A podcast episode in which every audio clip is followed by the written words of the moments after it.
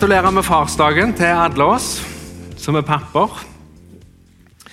Så er det jo sikkert så at, eh, og det vet jeg, eh, at denne dagen får jo fram liksom begge følelser. da. Noen syns jo denne dagen er litt vond, for de har mista noen. For andre av oss, meg inkludert, så er det sånn eh, at en kjenner på masse glede og takknemlighet. Ikke først og fremst over meg sjøl som far, men over min far. Han er her. Så feir nå denne dagen hvis du har grunn til det, og si takk til noen. Fedre de har jo enorm betydning. Det viser all forskning. I forhold til hvordan vi formes, hvordan vi blir, det å ha noen å speile seg i, det å ha noen å få bekreftelse i se. Så kan jo det være sårt for mange som gjerne ikke fikk akkurat den pappen de trengte, og den tryggheten de fortjener og burde fått. egentlig. Gud som far Egentlig er det en av de mest måte, livsnære og sterke bildene på hvem Gud er. I Efeserbrevet står det at det er Han som har gitt navn til alt som kalles far i himmel og på jord. I en annen oversettelse står det 'Han som er den rette far' for alt som kalles far. Gud blir altså beskrevet som på en måte den fullkomne, den perfekte, originalen på hva en far er for noen ting. Derfor er det så at når vi da For de aller fleste fedre de elsker jo ungene sine. De vil gjøre hva som helst for dem. Når vi ser på en måte en god far her på jorda og i livet her, da ser vi på en måte et bilde eller en avglans på en måte av Gud som far. Da får vi liksom oppdage noen sånne bruddstykker av det. Så hvis du i dag er så heldig at du kan bli fulgt av gode tanker, gode følelser, når du tenker på pappen din, så kan du vite med sikkerhet at det er et lite bilde. Det er på en måte noe som trenger gjennom til deg, og som sier noe om at det fins òg en annen far, en som er far til alle.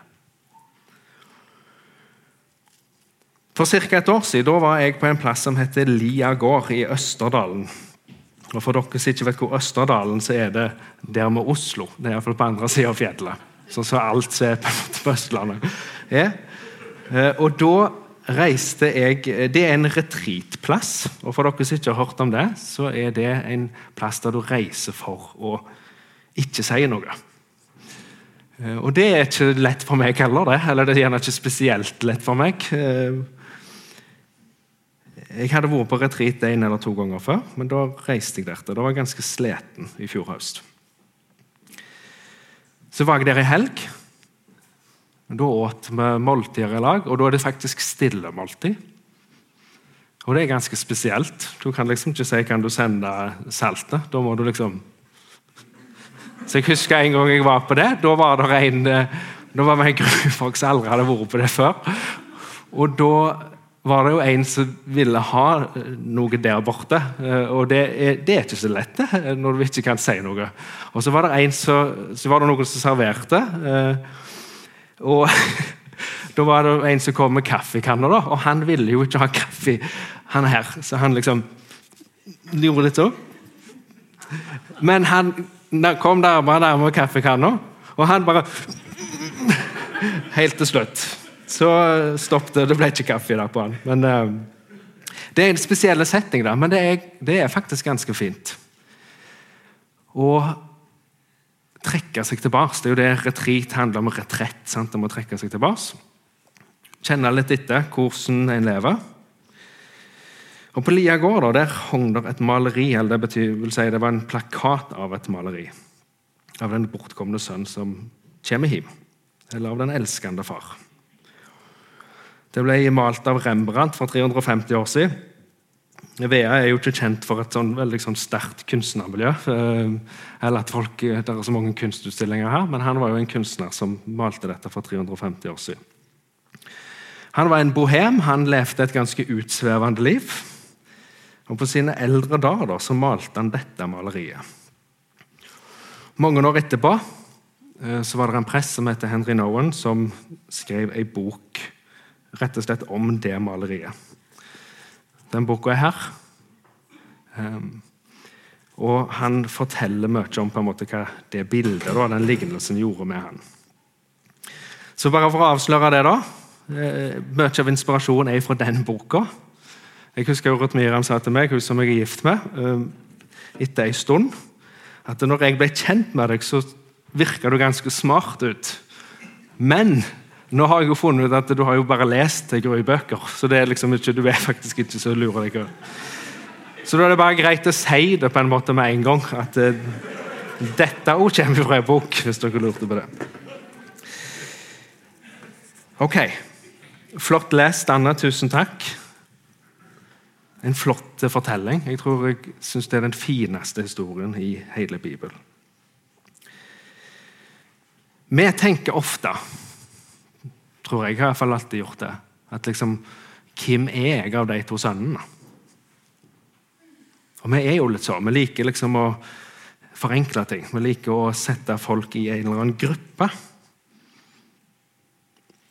Men jeg tror at sannheten her er egentlig at begge disse sønnene var jo bortkomne. Og jeg tror at uh, i denne salen her så er det ikke noe poeng i å Hvem er du, liksom, av de to? Vi er sannsynligvis og kommer nok alltid til å være begge to. I større eller mindre grad. I perioder mer det, mindre det. Og det er faktisk forstå og at det, å finne seg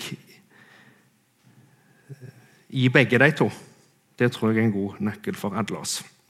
Det betyr jo igjen at denne talen er til deg. Den er ikke bare til noen i denne salen. Det som begge hadde til felles, det var at den kjærligheten som far hadde til dem, den hadde jo ikke nådd inn i her. De hadde jo hørt det gang på gang. De jo, men, men det, hadde, det, hadde, jo ikke nådd inn her. Ingen av dem var liksom kommet til rette med fars kjærlighet, eller med seg sjøl heller. Hva fikk han yngste til å reise? Ignatius har sagt at sin is unwillingness to trust that what God wants for me is only my deepest happiness. På godt norsk synd er vår uvilje mot å stole på at det som Gud egentlig vil for meg, det er min djupeste lukke. Hva var det første fallet da, i Edens hage? Var ikke det akkurat at Adam og Eva ikke trodde at Gud var god? De klarte liksom ikke å akseptere det. De klarte ikke å tro at det, det beste fins her. De tenkte liksom hele veien at det må vel være noe annet. Det må være noe bedre en annen plass.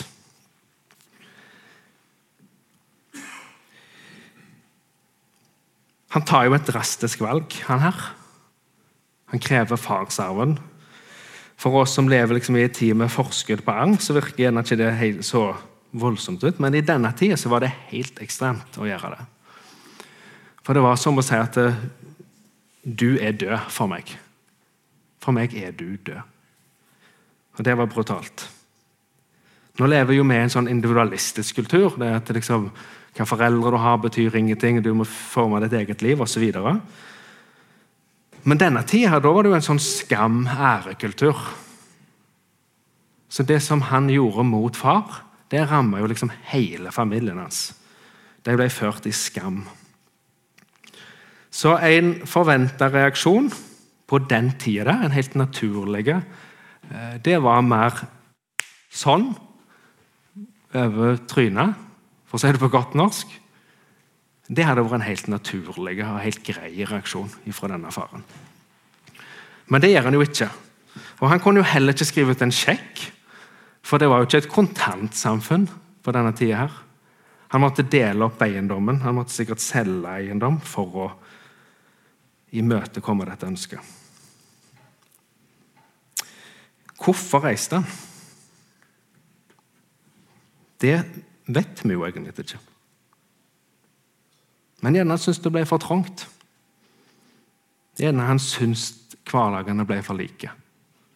Gjerne det var for lite ekstraordinært.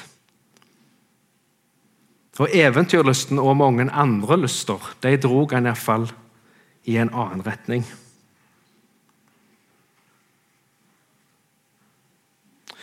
Og hva erfarte han? Jeg tror Jeg tror han erfarte frihet for en periode. Jeg tror ikke han tenkte på far liksom, eller de hjemme. Han syntes sikkert det var herlig å forlate noe av det. Og så er det jo, selv om kristne folk gjør det så godt de kan, det aller fleste, og kristne foreldre gjør det så godt de kan, så er det jo faktisk sånn at det er en del som trenger å ta et oppgjør med noe av det de er oppvokst i. På et tidspunkt så ønsker en og har en behov for å opponere mot noe. Og Det tror jeg vi skal være ærlige på at eh, det er det ofte behov for. Fordi at For enkelte så er det sånn at den bagasjen de på en måte har med seg, det er gjerne den som på en måte står i veien for at de får møte Jesus. Og få se Gud som den far han er.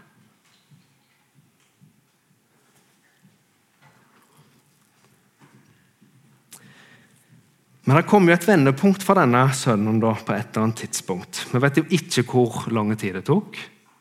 Vi vet heller ikke hvor langt han reiste vekk. Det står bare at han reiste til et land langt vekke. Men det er iallfall nok til at vi kan vite at uansett hvor langt vekke vi er, så er vi likevel utrolig nærme hjemme.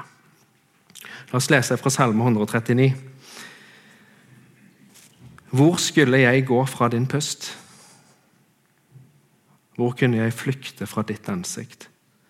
Stiger jeg opp til himmelen, er du der? Legger jeg meg i dødsriket, er du der? tar jeg soloppgangens vinger og slår meg ned der havet ender. Da fører din hånd meg også der. Din høyre hånd holder meg fast. Jeg kan si la mørket skjule meg og lyset omkring meg bli natt. Men mørket er ikke mørkt for deg. Natten er lys som dagen, mørket er som lyset.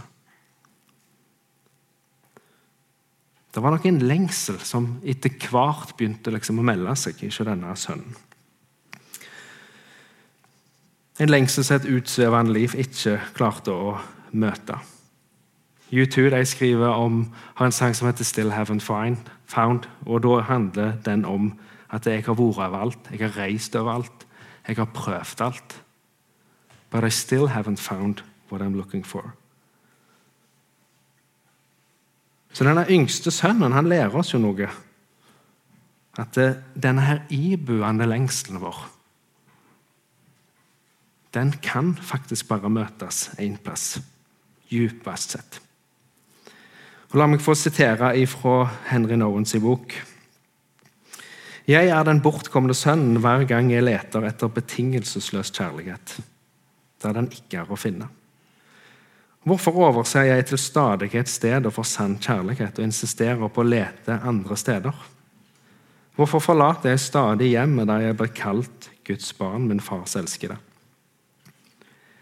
Jeg blir stadig overrasket over hvordan jeg bruker gavene som Gud har gitt meg, min helse, mine intellektuelle og følelsesmessige gaver, til å imponere mennesker, få bekreftelse og ros og konkurrere om belønning, i stedet for å utvikle dem til Guds ære. Ja, jeg tar dem ofte med til et land langt borte og stiller dem til tjeneste for en verden som utnytter dem uten å kjenne deres sanne verdi. Det er nesten som om jeg vil bevise for meg selv og for min verden at jeg ikke trenger Guds kjærlighet, at jeg greier meg alene, at jeg vil være totalt uavhengig. Bak alt dette ligger det store opprøret, det radikale nei til Faderens kjærlighet. Det absolutte vendepunktet her Da står det at han kom til seg sjøl. Han kom til seg sjøl. Lurer på hva det var for noe. Hva som skjedde da i hodet hans. I en engelsk oversettelse så står det at 'he came to his senses'. En annen plass 'then he began to think clearly again'. Han begynte å tenke klart igjen. Og Det er litt fascinerende, syns jeg, at en kan bli så på en måte nummen av livet. At ting bare skjer, at livet bare skjer. At en rett og slett på en måte glemmer ut eller mister kontaktene med det som en sjøl egentlig mener er rett og godt.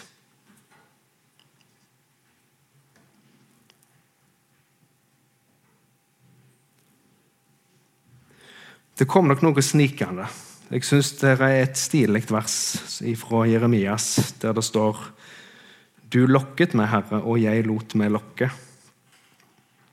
Du ble for sterk for meg og vant. Nå er det jo mange av oss som kan motstå på en måte alt utenom fristelser, og som ikke er liksom Selvdisiplin er ikke vår styrke. Ehm, men jeg, jeg kjenner iallfall sjøl, hvis jeg skal liksom prøve å beskrive hvordan det har vært for meg ofte, så har det vært på en måte litt sånn at det er på en måte en sånn Jeg gjør litt motstand, jeg kjemper litt imot, og så kjenner jeg på en måte akkurat en sånn dragning. At det her er det noe. Akkurat så Gud som lokker på meg. Men til slutt så vinner han det. Han kom til seg sjøl. I bedehustradisjonen har han jo ofte sånn vektlagt litt sånne sensasjonelle og voldsomt sånn punktuelle hendelser. Han kom til seg sjøl, bødde kne, tok imot. Og det er veldig fint. Og mange av oss har sett det, opplevd det. Men det er ikke sånn for alle. Og for mange av oss så er det å komme til seg sjøl en ganske lang prosess. For noen er det en lysbryter, og for andre er det en soloppgang. Uansett resultatet er det samme. Det blir lys. Det blir lys. Hvordan kommer vi til oss sjøl? Si det. Det er noe av det vanskelige. Jeg syns det er vanskelig å være en predikant, en taler. For du går liksom fram og sier grue ting som kan være sant, rett, godt.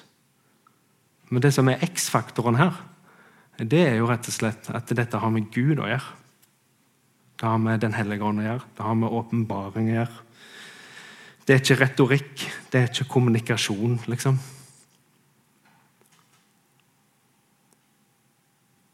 Men jeg tror det. Jeg tror på ærlige samtaler. Jeg tror det er bra å se seg selv i speilet. Det er bra at noen andre sier noe. Det er bra å gå tur i marked. Det er bra å stoppe opp. Det er bra å reise på retrito og spørre seg sjøl Hvor er jeg nå? Og Mange av oss da kjenner, da, når vi liksom endelig har tatt airpodsene ut av ørene eller skrutla av lyden, at det er noe her som lengter etter et eller annet. C.S. Lewis han sier if we find ourselves with a desire that nothing in this world can satisfy, the most probable explanation is that we were made for another world.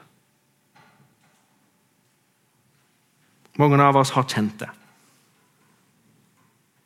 Og en har fått mange av de tingene vi drømte om. Så heldige er vi jo faktisk i dette landet her. Men likevel så er det ikke nok. Og vi kjenner det støtt og stadig. Det er liksom noe som ikke går over. Vi forlater farshuset. Vi begynner å lete andre plasser. For igjen å vende på en måte tilbake, skuffa. At eh, det var ikke her heller.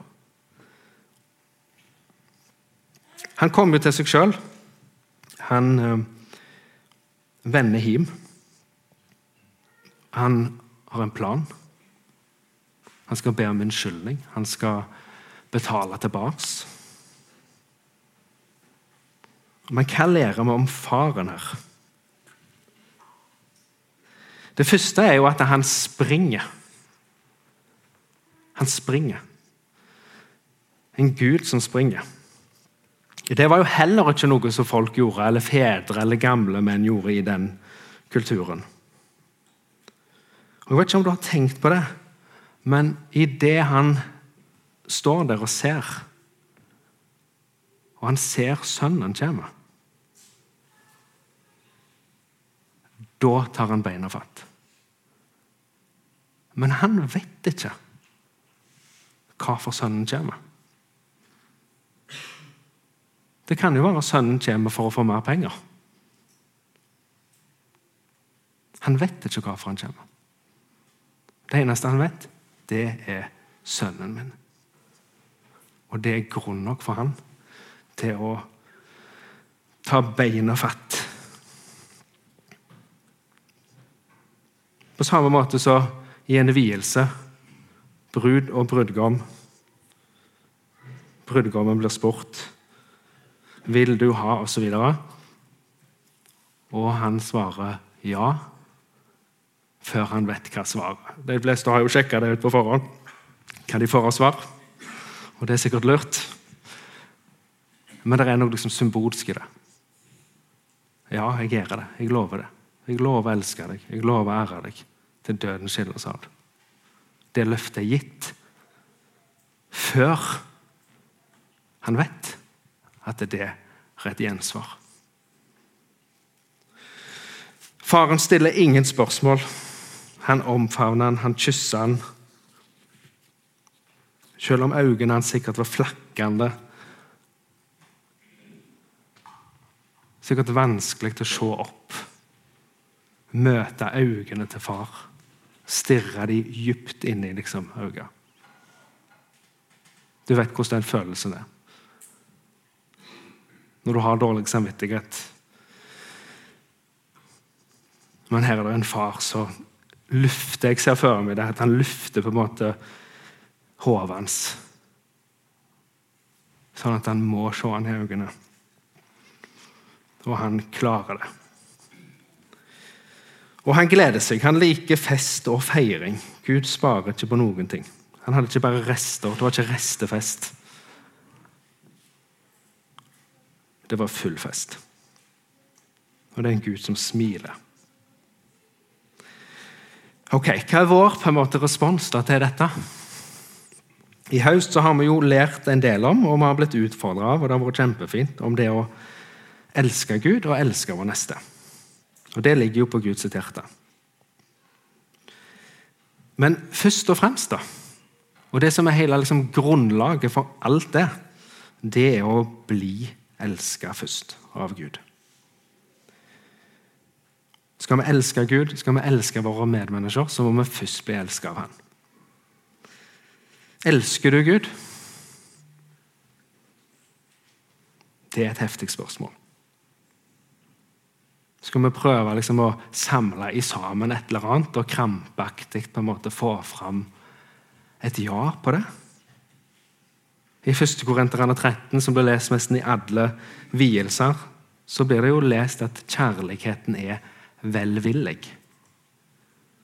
Kjærlighet kommer innenfra. Du kan ikke tvinge den fram. Men Johannes han lærer oss noe viktig. Han sier at vi elsker fordi han elsker oss først. For det fins en kjærlighet som er uimotståelig. En kjærlighet som er så reelle, så varme, at han kan tine det mest harde og kalde hjertet som fins. Og når vi kommer til oss sjøl da får vi kontakt med noe av det på en måte djupeste behovet som et menneske kan kjenne på. Lengselen etter farshuset. Og La meg sitere Noen litt igjen. Spørsmålet er ikke 'hvordan skal jeg finne Gud', men 'hvordan skal jeg la meg bli funnet av Gud'?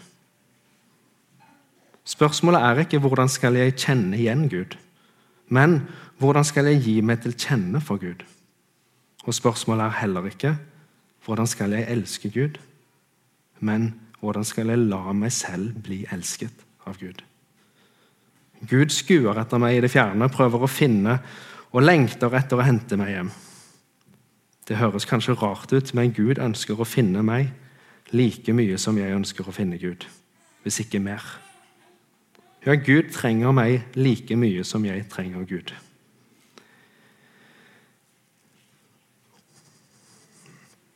På Lia gård der er det mange stier i skogen. Og den, eh, Jeg tror det var på lørdagen, jeg er ikke helt sikker.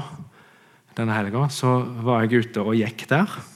Og liksom Langt inni skogen så er det et stort kapell. Ei, store kirke, egentlig. Lyset var på, varmen var på, men det var ingen der. Det var helt tomt. Men jeg gikk inn der, satt, sette meg ned. Hadde ikke mobil å fikle med. Hadde ikke, jeg hadde liksom ingenting. Forferdelig krevende, faktisk. skal jeg si deg. Og Så setter jeg og stirrer på ei altertavle, et bilde som jeg har sett mange ganger før. Nå har ikke jeg vært den mest flittige på søndagsskolen men, eh, selv, men jeg har iallfall sett det bildet. Det er av Jesu dåp, når Jesus blir døpt. Og I historien så blir der, høres det noen ord ifra himmel når Jesus blir døpt. Og Dette er, dette er maleriet, dette er altertavla. Og jeg sitter der og ser på den. Men så ser jeg det bildet på en helt annen måte. Jeg ser noe i det bildet som jeg aldri har sett før. Eller på en måte jeg aldri har sett det før. Og Det er det som er merkelig synes jeg, med mange ting. Og med Gud. Du kan liksom høre det samme om igjen og om igjen. Men plutselig en dag så hører du det på en helt annen måte. Ordene er like. Bildet er likt. Men du så det. Og ordene der var 'Du er min sønn, den elskede'. I deg har jeg min glede. Og det sier Gud til deg. Det er det Gud sier til deg.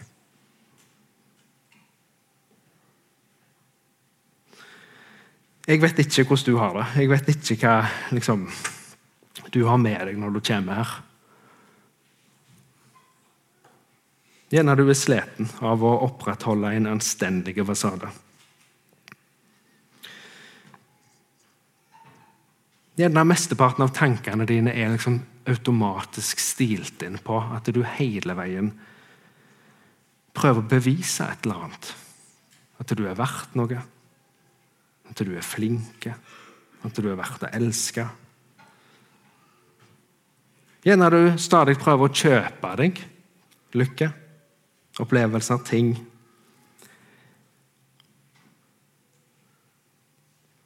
Gjerne du hele livet har bare hatt med deg en eller annen ryggsekk om at du ikke gjør ting bra nok. Du er ikke god nok. Og Gjerne du er i andre enden. Gjerne du er bare veldig kontrollert og vil klare deg sjøl. Du holder folk, og du holder Gud på en armlengdes avstand. I dag så blir du ønska velkommen hjem. Og dagens siste av Noen. Her er den Gud jeg ønsker å tro på. En far som fra skapelsens begynnelse har stått med armene rakt ut i nådefull velsignelse. Han har aldri tvunget seg på noen, men alltid ventet. Aldri sluppet armene ned i fortvilelse, men alltid håpet at barna skulle komme tilbake, så han kunne si kjærlige ord til dem, og la sine slitne armer hvile på deres skuldre. Hans eneste ønske er å velsigne. Det latinske ordet for velsigne er benedicere, som direkte oversatt betyr å si gode ting. Faren ønsker å si mer med berøring enn med stemmen gode ting om sine barn. Han har ikke noe ønske om å straffe dem. De er allerede straffet nok ved deres indre eller ytre velfarelse. Faren ønsker bare at de skal vite at kjærligheten de har lett etter på alle de gale måtene, har vært, er og alltid vil være der for dem. Faren ønsker å si mer med hendene enn med munnen. Du er min sønn, den elskede. Amen.